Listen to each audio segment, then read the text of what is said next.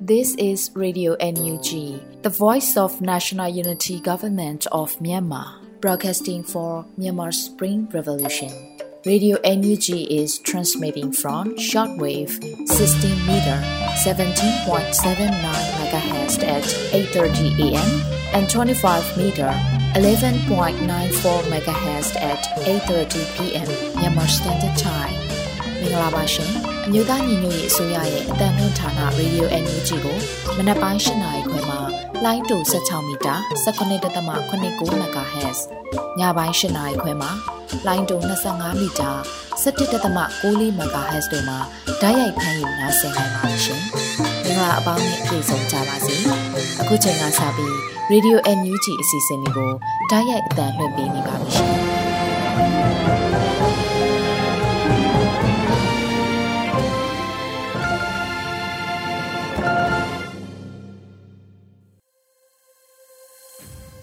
မင်္ဂလာနံနက်ခင်းပါရှင်ရေဒီယို NUG ကိုနားဆင်နေကြတဲ့မိဘပြည်သူများနဲ့မြန်မာနိုင်ငံသူနိုင်ငံသားအပေါင်းတဘာဝဘေးဆရာနာရှင်ဘေးတို့ကနေကင်းဝေးပြီးကိုစိတ်နှပါဘေးကင်းလုံခြုံကြပါစေလို့ရေဒီယို NUG အဖွဲ့သားများကဆုတောင်းမေတ္တာပို့သလိုက်ပါတယ်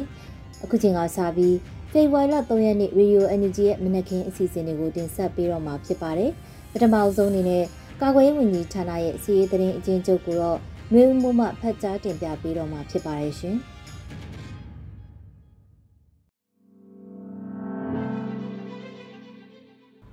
မင်္ဂလာပါခင်ဗျာ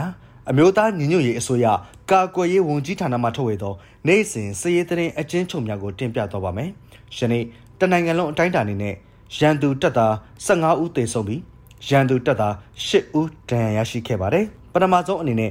အာနာသိန်းအကြမ်းဖက်စစ်တပ်နဲ့တိုက်ပွဲဖြစ်ပွားမှုများကိုတင်ပြသွားပါမယ်ချင်းပြည်နယ်တွင်ဖေဖော်ဝါရီလ1ရက်နေ့နနက်ပိုင်းကဟာခမြို့နယ်ရုံးတောင်ရှိဟာခမြို့အခြေဆိုင်ခလာရ266ကို CDF ဟာခ CDF ထန်တလန်နဲ့ CNA အဖွဲ့ဝင်များက drone ဖြင့်ပူးပေါင်းတိုက်ခတ်ခဲ့ကြောင်းသိရပါတယ်ခင်ဗျာ။စကိုင်းတိုင်းတွင်ဖေဖော်ဝါရီလ1ရက်နေ့ကဟုံမလင်းမြို့နယ်ရွှေပြည်အေးမြို့ကိုပြည်သူ့ကာကွယ်ရေးတပ်မတော်ခန်းနီးခရိုင်အမှတ်1တပ်ရင်းဟုံမလင်း HPDF 124 HPDF HPDF မိုဂျိုစသည့်မဟာမိတ်တပ်ပေါင်းစုများအဖွဲ့မှစင်းနှင်းသိမ့်ပိုက်နိုင်ခဲ့ပြီးရန်သူတပ်သားနှင့်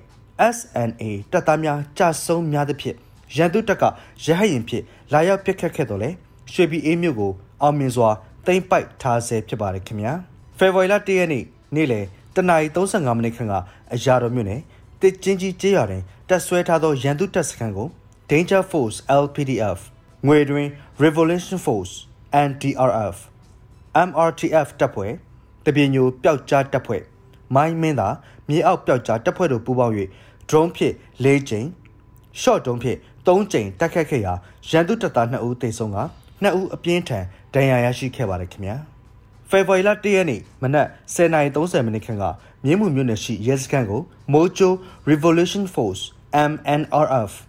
Force MNRF Local Defense Force Brotherhood of Dragon နဲ့ကြောက်စဲနဂနီပြည်သူ့ကာကွယ်ရေးတပ်ဖွဲ့များပူးပေါင်း၍လက်နက်ကြီး60မမနှလုံး လက်နက်ငယ်များဖြင့်ပစ်ခတ်ခဲ့ရာရန်သူဘက်မှလည်းပြန်လည်ပစ်ခတ်ခဲ့ပါတယ်ခင်ဗျာဖေဖော်ဝါရီလ1ရက်နေ့မနက်၄နာရီခန့်ကကမ်ဘလူးမြို့နယ်ကပိုးစံပြရွာရှိရဲမန်ကိုပိုင်အထက်တန်းကျောင်းတွင်တက်ဆွဲထားသောရန်သူတပ်သားနှင့်ပြူစောတိအင်အား40ဦးခန့်ကိုကမ်ဘလူး Underground Warriors ခင်ဦးနှင့်ရေဦးမြို့နယ်များမှဒေသခံကာကွယ်ရေးအဖွဲ့များကနိုင်ဝက်ခန့်အကြာပူးပေါင်းတက်ခတ်ခဲ့ရာရန်သူတပ်သား၄ဦးသေဆုံးက6ဦးဒဏ်ရာရရှိခဲ့ပါတယ်။ ဖေဖော်ဝါရီလ1ရက်နေ့မနက်9:30မိနစ်ခန့်မှမနက်10:00ခန့်အထိဝက်လက်မြို့နယ်ပင်စင်းရွာအရှိတ်ဘက်တွင်မကြီးတုံကြေးရွာမှပင်စင်းရွာဘက်ထွက်လာသောအင်အား60ဦးခန့်မှရန်သူစစ်ကြောင်းကို People Servants Revolution Wallet ပြည်သူအစိခံတော်လှန်ရေးအဖွဲ့နှင့်ဝက်လက်မြို့နယ်ပကဖာတို့မှစောင့်ဆိုင်ပြီးပြစ်ခတ်ခဲ့ရာအပြန်အလှန်ထိတွေ့ခဲ့ပြီးရန်သူတပ်သား6ဦးသေဆုံးပြီးပကဖရဲဘော်တို့ဒဏ်ရာရခဲ့က drone တစ်စီးပစ်ချခံခဲ့ရပါတယ်ခင်ဗျာမကွေးတိုင်းတွင် ဖေဖော်ဝါရီ၁ရက်နေ့မနက်6နာရီခန့်ကရေစကြိုမြို့နယ်ပကန်းငယ်ပြူစောတီကျေးရွာရှိရန်သူတပ်ဖွဲ့ဝင်များအခြေပြုရာပကန်းငယ်ရဲကင်းစခန်းအားရေစကြိုပြည်သူ့ကာကွယ်ရေးတပ်ဖွဲ့ရေစကြိုပကဖက drone အုံပြု၍အီနာကဘုံသီးနှလုံးဖြင့်တိုက်ခတ်ခဲ့ရာရန်သူတပ်ဖွဲ့များထိခိုက်ဒေဆုံးမှုရှိနိုင်ပြီးရဲစခန်းဘက်မှ drone ပစ်လက်နက်ဖြင့်ပစ်ခတ်မှုကြောင့်ဒေသကာကွယ်ရေးတပ်ဖွဲ့များ၏ drone ဒဇင်ပြက်ကျဆုံးရှုံးခဲ့ရကြောင်းသိရပါတယ်။မန္တလေးတိုင်းတွင် ဖေဖော်ဝါရီလ2ရက်နေ့မနက်7:15မိနစ်ခန့်ကမတရားမြို့နယ်30ပေးရွာနှင့်ကုန်းတန်းကျေးရွာအကြသို့စစ်ကြောင်းထိုးလာသောရန်သူများကိုပြည်ဦးလွင်ပကဖကောင်းကင်တော်လှန်ရေးအင်အားစု30ပေးကျေးရွာပကဖနှင့်အိုင်တိုင်ကျေးရွာပကဖတို့မှပူးပေါင်း၍ဗရေသာမိုင်း၃လုံးဖြင့်မိုင်းဆွဲတိုက်ခတ်ခဲ့သောကြောင့်ရန်သူ3ဦးသေဆုံးပြီးအများအပြားထိခိုက်ဒဏ်ရာရရှိခဲ့ပါတယ်ခင်ဗျာဆက်လက်ပြီးအာနာသိအကြမ်းဖက်စစ်တပ်ကျွလွန်သောရာဇဝတ်မှုများကိုတင်ပြသွားပါမယ်ရခိုင်ပြည်နယ်တွင် ဖေဖော်ဝါရီလ၁ရက်နေ့ညနေ4:30မိနစ်ခန့်ကစစ်တွေမြို့နယ်ပြည်တော်သာရက်ကွက်ရှိခိုင်သစင်ပန်းချံအနီးတွင်အသက်30ဝန်းကျင်အမျိုးသားတဦးကိုရန်သူတပ်သားများကဖမ်းဆီးခေါ်ဆောင်သွားကြောင်းသိရပါတယ်။စကိုင်းတိုင်းတွင်ဖေဖော်ဝါရီလ2ရက်နေ့နေ့လယ်တနာရီ30မိနစ်ခန့်ကစကိုင်းမြို့နယ်ရွှေလီကျေးရွာအုပ်စုတာတိုင်ကျေးရွာအားရန်သူတပ်ကမီးတင်ရှို့ခဲ့ပါတယ်။ဖေဖော်ဝါရီလ1ရက်နေ့ကအင်းတော်မြို့နယ်အင်းတော်မြို့အောင်ချမ်းသာရက်ကွက်မှာအသက် 40ကျော်အရွယ်ဦးလှအောင်ကို Silent Strike မှတ်တမ်းတပ်ပုံရိုက်ယူစဉ်ကင်းလှည့်နေသည့်ရဲကားကတွေ့ပြီးဖမ်းဆီးသွားခဲ့ပါတယ်ခင်ဗျာကျွန်တော်ຫນွေဦးမိုးပါခင်ဗျာ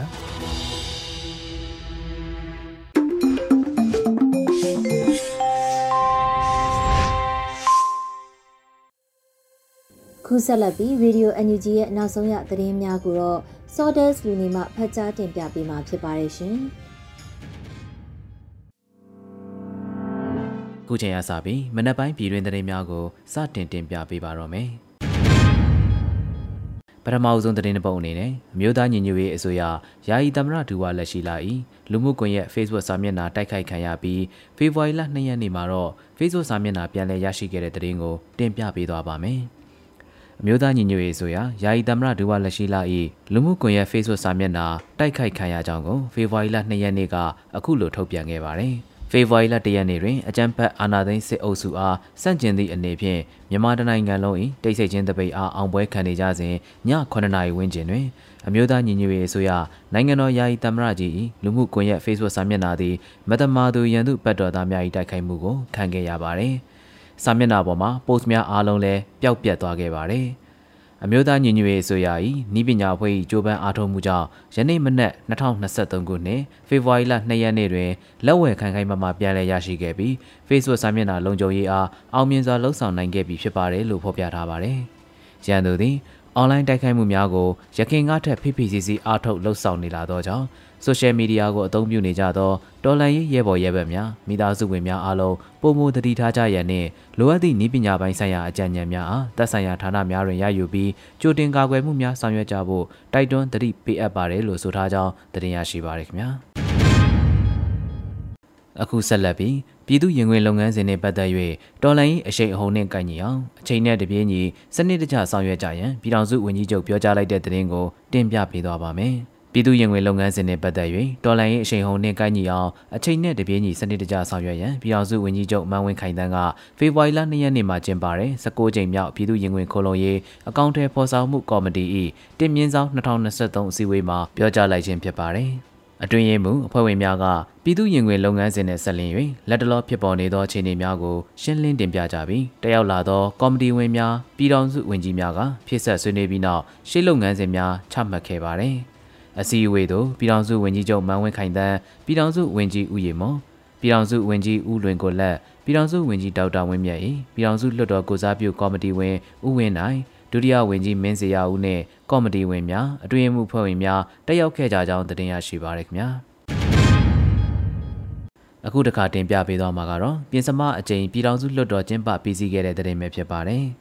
ဖေဖော်ဝါရီလ2ရက်နေ့နနက်10:00နာရီမှာပြင်စမအကြိမ်ပြည်တော်စုလွှတ်တော်တတိယနေ့နဲ့နောက်ဆုံးနေ့အစည်းအဝေးကိုဇွန်မီတင်မှတဆင့်ကျင်းပနိုင်ခဲ့ကြောင်းသတင်းရရှိထားပါတယ်။လွှတ်တော်ကိုယ်စားလှယ်ပေါင်း280ကျော်နဲ့တန်တမန်များဖိတ်ကြားထားသူများတက်ရောက်ခဲ့ကြပြီးအစည်းအဝေးတွင်လွှတ်တော်ကော်မတီအချို့မှစီရင်ခံစာများတင်သွင်းခဲ့ပြီးလွှတ်တော်ကအတည်ပြုခဲ့ပါတယ်။ ပြည်ထောင်စုလွှတ်တော်ကိုယ်စားလှယ်အချို့မှမြို့သားညီညွတ်ရေးအစိုးရအားမေးခွန်းများမေးမြန်းခဲ့ပြီးနောက်အစိုးရတာဝန်ရှိသူများကပြန်လည်ဖြေကြားခဲ့ပြီးပြင်စမအကြိမ်မြောက်ပြည်ထောင်စုလွှတ်တော်အစည်းအဝေးကိုအောင်မြင်စွာကျင်းပနိုင်ခဲ့ကစက်တမအကြိမ်အစည်းအဝေးကျင်းပမည့်နေ့ရက်အချိန်တို့ကိုကြိုတင်ကြေညာပေးမည်ဟုနာယကကပြောကြားသွားခဲ့ကြောင်းတင်ရရှိပါရခင်ဗျာစစ်အာဏာရှင်ရဲ့နောက်ဆုံးနေ့ဟာနေတဲ့နီးလာပြီလို့ကာကွယ်ရေးဝန်ကြီးဦးရင်မွန်ပြောကြားလိုက်တဲ့သတင်းကိုဆက်လက်တင်ပြပေးသွားပါမယ်။ စစ်အာဏာရှင်ရဲ့နောက်ဆုံးနေ့ဟာနီးတဲ့နီးလာပြီလို့ဖေဖော်ဝါရီလ၁ရက်နေ့ PDF ရဲဘော်များသို့ပြောကြားရမှာကာကွယ်ရေးဝန်ကြီးဌာနပြည်ထောင်စုဝန်ကြီးဦးရီမွန်ကအခုလိုဆိုထားပါတယ်။ဒီတစ်ချိန်အာဏာသိမ်းမှုဟာစစ်အုပ်စုအနေနဲ့ကိုယ်တည်တွင်ကိုတူတဲ့လုပ်ရက်လို့ပြောရမှာဖြစ်ပါတယ်။အခုဆိုရင်စစ်အာဏာရှင်ရဲ့နောက်ဆုံးနေ့ဟာနီးတဲ့နီးလာပြီးစစ်မြေပြင်ကငါတို့ရဲဘော်တွေကတော့ရန်သူမှာလေချောင်းသာမရှိရင်ငါတို့နိုင်နေပြီလို့ပြောလို့ရှိကြတယ်။ဒီစကားဟာအမှန်တရားပဲဖြစ်ပါတယ်။ ရန်သူမှာလူအားမရှိတော့ဘူးစိတ်ဓာတ်အားမရှိတော့ဘူးလက်နက်အားကိုတစ်ခုတည်းနဲ့လေချောင်းကအလစ်အငိုက်တိုက်ခိုက်ဖို့စစ်ကြောင်းဖွဲ့ပြီးအရက်သားအိုးအိမ်တွေကိုမိရှို့ဖျက်ဆီးဖို့အပြစ်မဲ့ပြည်သူတွေကိုညှဉ်းပန်းတပ်ဖြတ်ဖို့ဒီအလုပ်ပဲလုပ်နိုင်တော့တယ်လို့ဝန်ကြီးကဆိုထားပါတယ်ပြည်သူခုခံစစ်တစ်နှစ်ကျော်ကာလအတွင်းမှာစစ်ကောင်စီတပ်ဖွဲ့ဝင်2000ကျော်သေဆုံးသွားခဲ့ကြောင်းသတင်းရရှိပါရခင်ဗျာ။ မြမအရေးနှင့်ဆက်လင်း၍ UK ပါလီမန်မှာကျင်းပသည့်အစည်းအဝေးသို့ပြည်ထောင်စုဝန်ကြီးဒေါက်တာဇော်ဝေဆိုးတက်ရောက်ဆွေးနွေးတဲ့သတင်းကိုတင်ပြပေးသွားပါမယ်။အမျိုးသားညီညွတ်ရေးဆိုရာကျန်းမာရေးဝန်ကြီးဌာနနှင့်ပညာရေးဝန်ကြီးဌာနပြည်ထောင်စုဝန်ကြီးပေါမောက္ခဒေါက်တာဇော်ဝေဆိုးသည်ဖေဖော်ဝါရီလ၁ရက်နေ့က UK နိုင်ငံလန်ဒန်မြို့တော်ရှိ UK ပါလီမန်တွင် All Parties Parliamentary Group APPG ကဦးစီးကျင်းပသည့်အစည်းအဝေးသို့တက်ရောက်ခဲ့ပြီးမြမအရေးနှင့်ဆက်ဆက်လို့ဆွေးနွေးခဲ့ကြောင်းတင်ပြရရှိထားပါတယ်။ ထို့နောက်အကြံဖတ်စေအုပ်စုကလက်ရှိမြန်မာနိုင်ငံ၏ကျန်းမာရေးပညာရေးနှင့်လူသားချင်းစာနာထောက်ထားမှုဆိုင်ရာကဏ္ဍများအပေါ်အကြံဖတ်လုပ်ရများအရှိန်အဟုန်ဖြင့်စဉ်ဆက်မပြတ်ကျူးလွန်လျက်ရှိပါကြောင်းအကြံဖတ်စေအုပ်စုကြောင့်အတိဒုက္ခရောက်နေကြရှာသောမြန်မာပြည်သူတို့၏ကျန်းမာရေးပညာရေးနှင့်လူမှုဖူလုံရေးတို့အတွက်လိုအပ်သောအကူအညီထောက်ပံ့များကိုအင်္ဂလန်နိုင်ငံနှင့်အင်္ဂလန်နိုင်ငံကကြီးမှုချိတ်ဆက်ပြီးနိုင်ငံတကာချိတ်ဆက်မိမိဆောင်ရွက်သွားစေလိုကြောင်းတိုက်တွန်းဆွေးနွေးပြောကြားခဲ့ပါသည်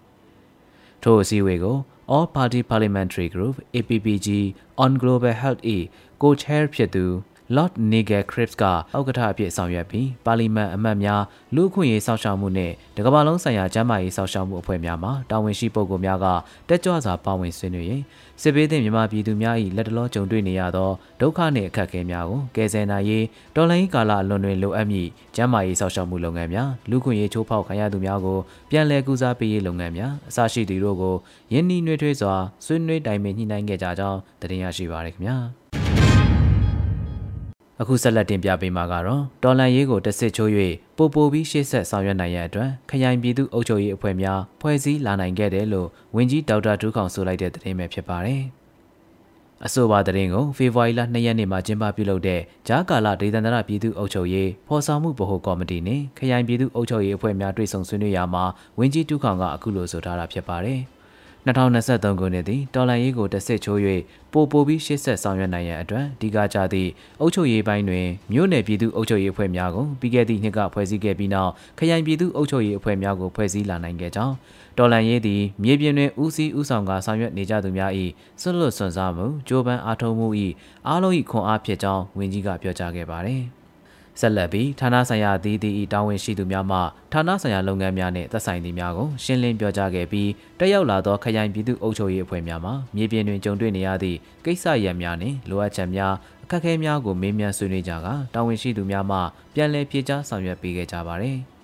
အစည်းအဝေးသို့ပြည်ထောင်စုဝန်ကြီးဒေါက်တာဒုခောင်မဦးဆောင်ကအမြဲတမ်းတွင်ဝင်များဝန်ကြီးဌာနအသီးသီးမှတာဝန်ရှိသူများခရိုင်ပြည်သူ့အုပ်ချုပ်ရေးအဖွဲ့များတက်ရောက်ခဲ့ကြကြောင်းတင်ရရှိပါရခင်ဗျာ။ အခုတခါအခြေခံပညာပြီးမြောက်ကြောင်းစစ်ဆေးကဲဖြတ်ခြင်း BCA ပထမအကြိမ်စတင်ဖြည့်ဆို့မိရထုတ်ပြန်ကြေညာတဲ့သတင်းကိုတင်ပြပေးသွားပါမယ်။အဆိုပါသတင်းနဲ့ပတ်သက်၍အမျိုးသားညီညွတ်ရေးဆိုရပညာရေးဝန်ကြီးဌာနကဖေဖော်ဝါရီလ2ရက်နေ့မှာခုလိုအသိပေးဖော်ပြထားပါတယ်။ အမျိုးသားညီညွတ်ရေးဆိုရာပညာရေးဝန်ကြီးဌာနမှအခြေခံပညာပြီးမြောက်ကြောင်းစစ်ဆေးခဲ့ပြခြင်းကို2023ခုနှစ်ဖေဖော်ဝါရီလမှဧပြီလထိပထမအကြိမ်နဲ့2023ခုနှစ်ဩဂတ်လမှအောက်တိုဘာလအထိဒုတိယအကြိမ်ကျင်းပမည်ဖြစ်ကြောင်းကြေညာခဲ့ပြီးဖြစ်တဲ့နေ့အညီအွန်လိုင်းဖြင့်ဖြည့်ဆို့ရန်လျှောက်ထားခဲ့ကြသည့်တတ်မှတ်ချက်နှင့်ကိုက်ညီသောအကြောင်းသားကြောင့်သူများသည်2023ခုနှစ်ဖေဖော်ဝါရီလ2ရက်နေ့မှစတင်ဖြည့်ဆို့နိုင်မည်ဖြစ်ကြောင်းဖော်ပြထားပါသည်။ ဖြည့်ဆို့မှုကို2023ခုနှစ်ဧပြီလ30ရက်နေ့တွင်ပထမအကြိမ်ဖြည့်ဆို့ခြင်းပြီးစီးမည်ဖြစ်ကြောင်းကြေညာထားပါတယ်။မြေပြင် on ground တွင်ဖြည့်ဆို့ရန်လျှောက်ထားခဲ့ကြသည့်ចောင်းသားចောင်းသူများသည်မိမိတို့သက်ဆိုင်ရာမြို့နယ်စာပြေဌာနများ၏တတ်မှတ်ရက်တွင်စတင်ဖြည့်ဆို့နိုင်မည်ဖြစ်ကြောင်းတင်ရရှိပါရခင်ဗျာ။အခုတခါ UK နိုင်ငံလန်ဒန်မြို့တွင်ယုံကြည်ချက်ကြောင့်ကိုလက်အင်္ဂါဆွန့်လွတ်သူများအတွက်ကူညီဆောင်ရှောက်မှုအစီအစဉ်ရန်ပုံငွေပွဲကျင်းပခဲ့တဲ့တဲ့ရင်ကိုတင်ပြပေးသွားပါဦးမယ်။ အဆိုပါရန်ပုံငွေပွဲအစီအစဉ်ကိုအမျိုးသားညီညွတ်ရေးဆိုရစီးပွားရေးနှင့်ကုသန်းရောင်းဝယ်ရေးဝန်ကြီးဌာနကဖေဖော်ဝါရီလ2ရက်နေ့မှာအသိပေးဖော်ပြထားပါတယ်။အမျိုးသားညီညွတ်ရေးဆိုရစီးပွားရေးနှင့်ကုသန်းရောင်းဝယ်ရေးဝန်ကြီးဌာနနှင့် UK နိုင်ငံမှ Community Leaders Fundraiser များနှင့်ပူးပေါင်း၍ UK နိုင်ငံလန်ဒန်မြို့တွင် 2023ခုနှစ်ဇန်နဝါရီလ14ရက်နေ့ကမိမိတို့၏ယုံကြည်ချက်နှင့်ပြည်သူတော်လှန်ရေးအတွက်အလုတ်အကိုင်အိမ်မိသားစုချစ်ခင်သူတွေအားလုံးကိုစွန့်ထားခဲ့ရုံသာမကအသက်နှင့်ခန္ဓာပါပေးရထားကြသောတော်လှန်ရေးညီကိုမောင်နှမများကိုရည်ရွယ်၍ယုံကြည်ချက်ကြောင့်ကိုလက်အင်ကဆွန့်လွတ်သူများအတွက်ကူညီစောင့်ရှောက်မှုအစီအစဉ်ရန်ပုံငွေပွဲကိုကျင်းပခဲ့တယ်လို့ဆိုထားပါတယ်။အဆိုပါပွဲမှရရှိလာသောရန်ပုံငွေထိုင်းဘတ်ငွေ၄သိန်း1350တီတီကိုအမျိုးသမီးလူငယ်နှင့် ကလေးတငယ်ရေးရဝန်ကြီးဌာနသို့ယုံကြည်ချက်ကြောင့်ကိုလက်အင်္ဂါဆွန့်လွတ်သူများအတွက်ကုညီဆောက်ရှောက်မှုများပြုလုပ်နိုင်ရန်ပြန်လည်လှူဒန်းခဲ့ပြီးဖြစ်တယ်လို့ဆိုထားပါတယ်။ကြန့်ရှိနေသောလွှဲပြောင်းဆဲရန်ပုံငွေများကိုလည်းဆက်လက်လှူဒန်းတော့မှာဖြစ်ကြောင်းတင်ရရှိပါရခင်ဗျာ။မြန်မာနိုင်ငံတဝက်မှာအိုးအိမ်ဆုံးခွာသူပြည်သူ1.5တန်းကျော်ရှိလာပြီးပြည်သူ19.6တန်းကလူသားချင်းစာနာမှုဆိုင်ရာအကူအညီတွေလိုအပ်နေတဲ့တဲ့ရင်ကိုတင်ပြပေးသွားပါဦးမယ်။ အဆိုပါသတင်းနဲ့ပတ်သက်သည့်မြန်မာနိုင်ငံလူသားချင်းစာနာမှုဆိုင်ရာသတင်းလွှာကို UNOCHA မြန်မာကအခုလိုဖော်ပြထားပါတယ်။အာနာသိန်းယူပြီးနှစ်နှစ်အကြာတွင်လူသားချင်းစာနာမှုဆိုင်ရာလိုအပ်ချက်တွေပုံမမြင့်တက်လာပြီးအကူအညီရရှိဆောင်ရွက်နိုင်ရေးအခြေအနေတွေကလည်းပုံမဆိုးရွားလာနေပါတယ်။ မြန်မာနိုင်ငံတဝန်းမှာအိုးအိမ်ဆွန့်ခွာပြည်သူ1.5တန်းကျော်ရှိလာခဲ့ပြီး2023ခုနှစ်မှာပြည်သူ19.6တန်းစုစုပေါင်းလူဦးရေရဲ့သုံးပုံတစ်ပုံနီးပါးကလူသားချင်းစာနာမှုဆိုင်ရာထောက်ကူတွေလိုအပ်နေမယ်လို့ခန့်မှန်းထားတယ်လို့ဖော်ပြထားပါတယ်။အကြံဖက်စစ်တပ်ဟာတိုင်းရင်းသားနယ်မြေတွေကိုလေကြောင်းတိုက်ခိုက်မှုနဲ့မြေပြင်စစ်ကြောင်းထိုးမှုတွေအဆက်မပြတ်ထိုးစစ်ဆင်လျက်ရှိကြောင်းသတင်းရရှိပါရခင်ဗျာ။ ရောက်နေလာရလမ်းရုပ်ရှင်ကိုဂျပန်နိုင်ငံတိုကျိုမြို့အပါအဝင်နာဂိုရာနဲ့ကျူရှူအစရှိတဲ့မြို့ကြီးများမှာပါပြသသွားမယ့်သတင်းကိုတင်ပြပေးသွားပါမယ်။အဆိုပါသတင်းနဲ့ပတ်သက်၍ဖေဖော်ဝါရီလ2ရက်နေ့မှာရောင်နီလာယာလန်ပြသရေးကော်မတီကအခုလိုဆိုထားပါတယ်။ ရောင်နီလာယာလန်ရုပ်ရှင်ကိုဂျပန်နိုင်ငံတိုကျိုမြို့ပါဝင်နာဂိုရာနဲ့ကျူရှူအစရှိတဲ့မြို့ကြီးများမှာပါပြသသွားမှာဖြစ်ပါတယ်လို့ဆိုထားပါတယ်။ရုပ်ရှင်ပြသမယ်နေ့ရက်နဲ့အချိန်များကတော့တိုကျို2လပိုင်း4ရက်နေ့ည9နာရီကနေ9နာရီထိနာဂိုရာ2လပိုင်း4ရက်နေ့ညနေ6နာရီမှ8နာရီထိကျူရှိုး2လပိုင်း12ရက်နေ့နေ့လယ်2နာရီမှ3နာရီထိတို့ဖြစ်ပါတယ်။ရုပ်ရှင်လက်မှတ်များကိုကြီးညာထားတဲ့အဖွဲ့အစည်းများမှတဆင့်ဝယ်ယူအားပေးကြဖို့တောင်းဆိုထားကြောင်းတင်ရရှိပါရခင်ဗျာ။ အခုတင်ပြပေးခဲ့တဲ့သတင်းတွေကိုတော့ Radio NUG သတင်းတောက်မင်းမင်းကပေးပို့ထားတာဖြစ်ပါတယ်။ကျွန်တော်စောတဲလူနေပါ။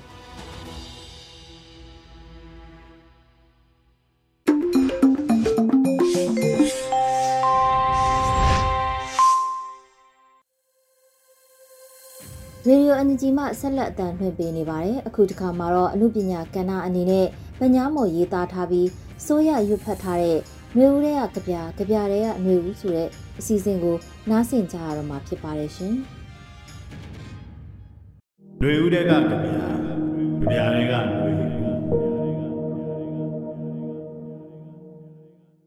မျိုးဦးထဲမှာလူတိုင်းတော့ AK47 ကင်ကျင်တဲ့သူတွေမဟုတ်ဘူး။လူတိုင်းကလည်းပြေးနိုင်လွှားနိုင်တိုက်နိုင်ခိုက်နိုင်တာမဟုတ်ဘူးခက်တာက ဒီလူမှုအရေးတော်ပုံကြီးမှာလက်နက်ကင်တိုက်ခိုက်ရေးကလည်းမရှိမဖြစ်မဖြစ်မနေဖြစ်နေခဲ့ရတာမဟုတ်လားရန်သူကကျွန်တော်တို့ရဲ့တင်နင်ကဗျူဟာကို ရွေးချယ်သွားခဲ့ပြီတိုက်ပုံအင်ကြီးဖြူဖြူလေးဝစ်ဗဇက်ကဖျားဖျားလိုလိုအတန်တုဝိဇာလိုလိုတော်ရန်မဲဖွဲ့ရှောက်ပြောနေသူသူတို့စစ်ကိုင်းအုပ်စုရှေ့ထွက်မင်းသားယူကို မြင်နေရတော့လေ လက်ကကာယာကာယာစစ်ကြွန်စစ်မိတ်စာတွေဟာလက်နဲ့မရှိတဲ့ပြည်သူတွေကိုပြစ်ခတ်တပ်ဖြတ်ပြည်သူဥစ္စာတွေကိုလူရက်ဖျက်ဆီးပြည်သူအိုးအိမ်မြို့ရွာတွေကိုမိရှို့ဖျက်ဆီးနေမှတော့ AK47 ကင်ကျင်သူတွေရိုးရိုးလူလူလူငယ်တွေထဲမှာအများအပြားပေါ်လာနေတာဒါဟာအရှိတရားပဲအဲ့ဒီအဆင့် လက်နဲ့ကောင်းကောင်းတောင် မကင်နိုင်ပါပဲတူမီတနက်လောက်တလုံးထိုးလှုပ်တနက်လောက်နဲ့လဲအဲ့ဒီမဖြစ်ညစ်ကျဲတိုက်ပွဲဝင်လက်နဲ့လေးကင်နိုင်သူဟာသူ့အသက်ကိုကြည်ထိုးပြီးဝက်ကောင်းတို့တိုက်ခိုက်ခဲ့ကြလို့ဒီစစ်ကိုင်းအုပ်စုဟာအာနာလူတတန်နှစ်နှစ်ပြည့်လူပြီးတနက်ကြီးလည်းရှိတန်နီးလဲသိပေမဲ့မိုးကွက်ကြားရွာသလိုတပေါက်နဲ့လောက်ကောင် ထောက်တိုင်နဲ့မင်းမြောင်တွေရဲ့စိတ်နှလုံးကိုယ်တောင်အသေးချာတိမ်ကြုံအုပ်ဆိုးထားနိုင်ရဲ့လားတန်စရာဝါးစရာအခြေအနေပါ အမှန်တိုင်းပြောရရင် ကျွန်တော်ဟာလဲတနက်လက်နဲ့ကို မကင်တွယ်ရဲမပြစ်ခတ်ရဲတဲ့သူအုပ်စုထဲပါဝင်နေတဲ့သူတယောက်လူနုလူပြော့လူညံ့လို့ပြောရင်လဲခံရတော့မှာပဲ ຫນွေဦးတော်လှန်ရေးလူမှုရေးတော်ပုံစလိုက်ပြီးဆိုကြတဲ့ကသူ့အသက်မွေးဝမ်းကြောင်းဖြစ်တဲ့ journalism လုပ်ငန်းတွေကမျက်မှောက်ရေးရသဘောထားအမြင်တွေကို လူထုဘက်ဓမ္မနဲ့အဖြစ်မှန်ရှုထောင့်ကနေစင်ဆက်ရေးသားနေတဲ့မိတ်ဆွေကြပြဆရာတယောက်ရှိပါတယ်။နောက်ပိုင်းမှာတော့အရရက်အခြေအနေတွေအရသူဟာမူလနေထိုင်ရာမြို့ပြကနေပိုပြီးလွတ်လပ်လုံခြုံနိုင်ရာတောင်တန်းတွေစီ ရွှေ့ပြောင်းသွားရပြီးသူနိုင်ရာသူကျွမ်းရာကလောင်နဲ့တိုက်ပွဲဝင်နေသူလို့သူ့ကိုသတ်မှတ်နိုင်တယ်။သူခိုးလုံရာအထိစစ်ကြောင်းတွေတိုက်ပွဲတွေစိုက်လာတဲ့တစ်ချိန်မှာတော့ဒီထက်နှဆိုင်တဲ့နေရာအထိရှောင်ပြေးရတဲ့အတွေ့အကြုံတစ်ခုသူပြန်ပြောပြတယ်။အဲ့ဒီလမ်းကျန်းကိုကားနဲ့လစ်ကြရတဲ့အချိန်ကားနောက်မှီးမှာတွဲခိုလိုက်လာတဲ့ PDF လေးတူရဲ့တနတ်ကို ထိုင်လိုက်လာတဲ့သူကခိတမြကင်ပေးရတဲ့အတွေ့အကြုံကိုသူကပြန်ပြောင်းပြောပြဘူးတယ်ကျွန်တော်အဲ့ဒီလိုခဏကင်ပေးရတာတော့ဒီတနတ်ကြီးကအစ်ဆက်လေးလံလိုက်တာဗျာတဲ့လူသက်လက်နဲ့ဆိုတာသွေးနဲ့တွေကလည်းစီးနေမနေဘူးကျွန်တော်လည်းအတီမပြုတ်နိုင်ဘူးလေကျွန်တော်တို့လိုကလောင်နဲ့လေနဲ့သွေးရဲနေတဲ့လူမှုလူပြော့တွေဟာတကက်လက်တွေ့မှာအဲ့ဒီလိုခံစားမှုမျိုး မဖြစ်ဘူးလို့မဆိုနိုင်ဒါပေမဲ့စိတ်တွေကတော့ကြမ်းလာမားလာနေပြီရန်သူတွေတမန်စစ်သားတွေတေကြည်တယ်ဆိုတာထက် အထူးသဖြင့်အကောင်ကြီးတွေစိတ်ရောကိုယ်ပါ အာနာယမက်ရန်ရာတွေကချက်ကြသူတွေခြေမှုံးလိုက်နိုင်ပြီဆိုတဲ့တည်င်းများဖက်ရရင် လူသေးတာဝမ်းသာစရာမဟုတ်အ ਨੇ ဆုံးဝမ်းသာပြရမှာမဟုတ်ဆိုတဲ့ အတိတတိကြားကနေအာရပါရဖြစ်သွားတဲ့ကိုယ်စိတ်ကိုညာမရနိုင်တော့ပါဒီတစ်ပတ်ကျွန်တော်တင်ဆက်ခြင်းနဲ့ကျွန်တော်တို့ရဲ့ຫນွေဦးကြပြဆရာတူရဲ့ကြပြမှာတော့တွေဝေနူးညံ့သူကြပြဆရာတူကိုကျွန်တော်တို့တွေ့ကြရမှာပါဒီနှစ်ဆိုးနှစ်ကျန်းတွေတဲ့ထွက်ခွာသွားသူကြပြဆရာကြီးတူနဲ့အမှတ်တရလေးနဲ့စထားတဲ့ ကြပြတစ်ပုတ်ပါကြပြဆရာကြီးကဒီလူငယ်ကြပြဆရာလေးကိုမင်းကဘသူတုံးဆိုတဲ့မိခဲ့ဘူးတာလေးနဲ့စထားတာတကယ်တော့ကြပြဆရာတွေဟာနှင်းစီဝေစုကိုသာမှုကြတဲ့သူတွေပါပြောကြရရင် လောကထဲမှာဘယ်တုန်းကမှရှင်သေးဝေစုကိုမရခဲ့ကြသလိုမှန်လဲမှန်မှန်ခဲ့ကြသူတွေပါဒါကြောင့် AK47 တွေကိုလည်းကန်ရဲခြင်းမှလည်း ကန်ရဲကြပေလိမ့်မယ်ကန်ရဲတဲ့သူတွေလည်းအဲ့ဒီအေးဆက်ဆက်လူသက်လက်နက်တွေကို လူထုအတွက်အားတင်းပြီးကန်နေကြလိမ့်မယ်ဒါပေမဲ့ AK47 ကန်တဲ့သူမဖြစ်ချင်တဲ့ကြပြာဆရာဟာဘာတော့ဖြစ်ချင်တလဲတဲ့ကျွန်တော်တို့သူ့ကြပြာကိုဖက်ကြည့်ကြပါစို့ခင်ဗျာတွေးဝေသူ AK47 တခါတော့ကဥအောင်ချိန်နဲ့စဆုံတော့မင်းကဘသူတုံးဆိုပြီးမေးခဲ့ဘူးတယ်ဥချိန်အနားမှာတောက်ရတာတိမ်တွေထဲမှာထိုင်ရတာလို့လို့အာကာသာတဲ့လမ်းလျှောက်နေရတာလို့လို့ပေါ့နော့ဒန်ဒါကြီးတွေထဲမှာနတ်တွေထွေးတဲ့တတွေးကနေဖြစ်လာတဲ့လူတစ်ပိုင်းနတ်တစ်ပိုင်းကောင်ရဲ့သွေးနဲ့ဖောက်ထားတဲ့ပြည့်ရည်တောက်ရင် ကြပြာအနုတုခုမခေါင်းတွေထွက်တယ်တဲ့လွယ်အိတ်ကောက်လွယ်ပြီးအနုပညာနဲ့လမ်းပေါ်ကောက်ထွက်လာခဲ့လိုက်ရင် မသိရင်တော့အကောင်ပဲတလောကလုံးဟာလဲပြောเสียရဲเสียကြီးပဲညနေရောက်ရင်လွယ်အိတ်ဟာလွယ်သွားသူကိုတယောက်ယောက်နဲ့ထားခဲ့ပြီးလမ်းကိုအကုံထက်တဲပြန်လာတယ် ဒီလိုနဲ့တော်လန်ရေးကြီးတွေ ဖြစ်လာတယ်။တော်လန်ရေးကြီးတွေဖြစ်လာတိုင်းလဲလူတော်တော်များများရဲ့စိတ်ထဲမှာ AK47 တွေဝဲကင်လာကြတယ်။သူကတွေးတယ်ငါရမဲ့နှင်းစီကိုတာကဘယ်အရက်မှလဲပေါ့။ तू တွေးဝေတယ်။ तू စဉ်းစားတယ်။စစ်ကာလကြီးတွေတလျှောက်လုံး तू တွေးဝေတယ်။ तू စဉ်းစားတယ်။ နှင်းစီတွေရှိတဲ့အရက်နှင်းစီတွေရမဲ့အရက်နှင်းစီတွေပေးမဲ့မိန်းကလေးတွေစသည်စသည်သူစဉ်းစားတယ်သူတွေဝေးတယ်သူစဉ်းစားလွန်းလို့သူ့ငွေရမြေကမြေနီလန်းကလေးကလည်းသူ့ကိုထားသွားတယ်သူ့ကိုသူကတော့သူရွေးချယ်နေတယ်ပေါ့ နောက်ဆုံးတစ်ခါတွေ့တော့လဲဥအောင်ချိန်ကမေးပြန်တယ်မင်းကဘယ်သူတုံးတဲ့ဒါပေမဲ့အကြောင်းကြောင်းကြောင့်ဥချိန်ကို မဖြေလိုက်ရဘူးကျွန်တော်ဟာ AK47 ကင်တဲ့သူမဖြစ်ချင်မဖြစ်ရဲခဲ့ဘူး AK47 ဖြစ်ချင်သူဆိုတာကို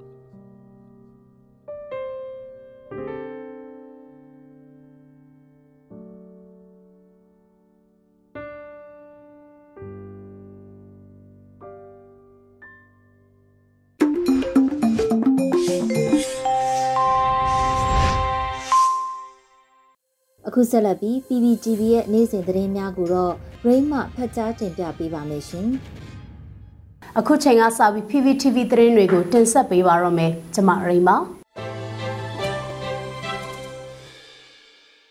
ပထမဆုံးတင်ဆက်မှာကပြည်သူရဲတပ်ဖွဲ့နဲ့စကိုင်းတိုင်းမကွေးတိုင်းမှာရှိတဲ့ပြည်သူလုံခြုံရေးအဖွဲ့များတွဲဆုံဆွေးနွေးတဲ့သတင်းမှာ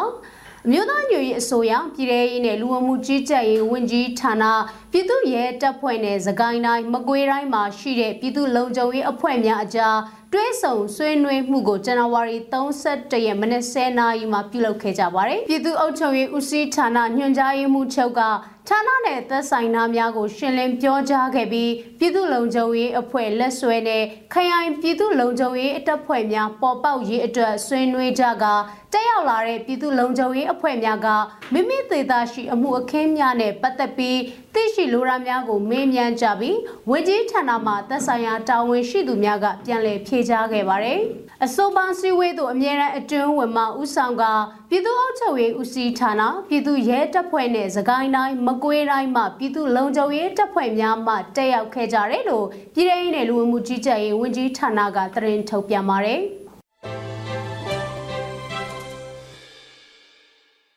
ဆက်လက်တင်ဆက်ပေးမှာကတောင်ပိုင်းစစ်ဒေသခွဲအမှတ်3အတွင်းကပြည်သူ့ကာကွယ်ရေးတပ်မတော်တောနာစစ်ကြောင်းရဲ့ချင်းမုံရေးတပ်ဖွဲ့တစ်ကိုတပ်စုဖွဲ့တာဝန်ပေးအပ်တာနဲ့လက်နက်တပ်ဆင်တဲ့အခမ်းအနားပြုလုပ်တဲ့တဲ့မှာအဲ့ဒီခန္ဓာစီစဉ်မှာဒေါနာစစ်ကြောင်းကရဲဘော်တွေကပြည်သူ့ကာကွယ်ရေးတပ်မတော်အလံတော်ကိုအလေးပြုတာနဲ့ ပြည်သူ့ကာကွယ်ရေးတပ်မတော်ရဲ့တစ္ဆာအတိတ်ထံကိုရွက်ဆိုတစ္ဆာပြုခဲ့ကြတယ်လို့ဆိုပါရယ်။ဒါနဲ့တစ်ဆက်တည်းစစ်ဘက်ဆိုင်ရာကိစ္စတွေတိုးချဲ့ဆောင်ရွက်ဖို့အတွက်ရဲဘော်အသီးသီးကိုတာဝန်များပေးအပ်ခဲ့ပြီးဒေါနာစစ်ကြောင်းကတူးစစ်ကြောင်းမှုကရဲဘော်တွေကိုလက်နက်တွေပေးအပ်ခဲ့တာအပြင်ဒေါနာစစ်ကြောင်းစစ်စင်ရေးတာဝန်ခံက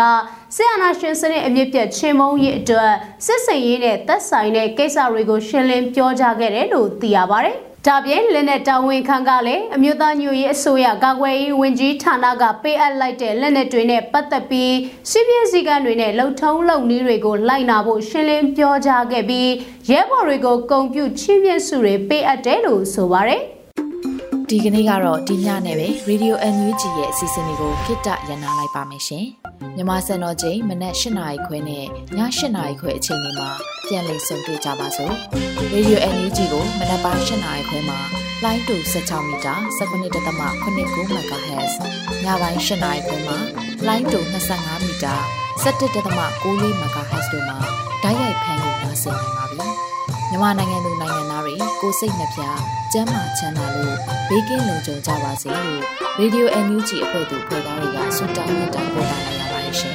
မြေသားညီမတွေအစိုးရရဲ့စက်သွေးရေးသတင်းအချက်အလက်တွေလူပညာဝန်ကြီးဌာနကထုတ်လွှင့်နေတဲ့ Radio NUG ဖြစ်ပါတယ်။ San Francisco Bay Area အခြေစိုက်မြန်မာမိသားစုတွေနဲ့နိုင်ငံတကာကစေတနာရှင်လို့အားပေးနေတဲ့ Radio NUG ဖြစ်ပါတယ်။အရေးတော်ပုံအောင်ရမည်